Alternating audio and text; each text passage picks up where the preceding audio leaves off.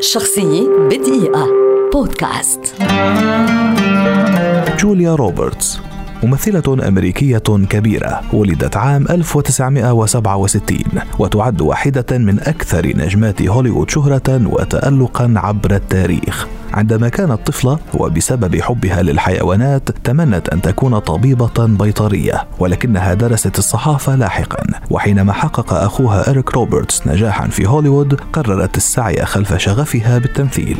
ظهرت للمرة الأولى في فيلم Mystic Pizza عام 1988 وفي العام نفسه في فيلم Satisfaction هذان الفيلمان جعلا لها قاعدة معجبين ليست بصغيرة. وفي عام 1990 قامت بأداء الدور الذي غير حياتها إلى الأبد في الفيلم الشهير Pretty Woman الذي حقق 464 مليون دولار في جميع أنحاء العالم والذي كرسها نجمة شباك تذاكر من الطراز الأول ومكنها من الحصول على ترشيح لجائزة أوسكار. كما حصلت على جائزة اختيار الناس لأفضل ممثلة لتنطلق من هنا رحلة نجومية مع سلسلة من الأفلام الشهيرة الرائعة مثل My Best Friend's Wedding, Runaway Bride, Wonder, Sleeping with the Enemy, Larry Crowne, Steel Magnolias و Erin Brockovich الذي حصلت عنه على جائزة الأوسكار كأفضل ممثلة عام 2000 هذا بالإضافة إلى عدد من المسلسلات التلفزيونية آخرها كان بعنوان Homecoming عام 2018 بالإضافة إلى الأعمال الفنية العظيمة التي قدمتها ساهمت جوليا روبرتس خلال مسيرتها ولا تزال في العديد من المنظمات الخيرية التابعة لليونيسف. وزارت العديد من الدول كسفيرة للنوايا الحسنة وعرفت بمساعيها الإنسانية وأعمالها الخيرية.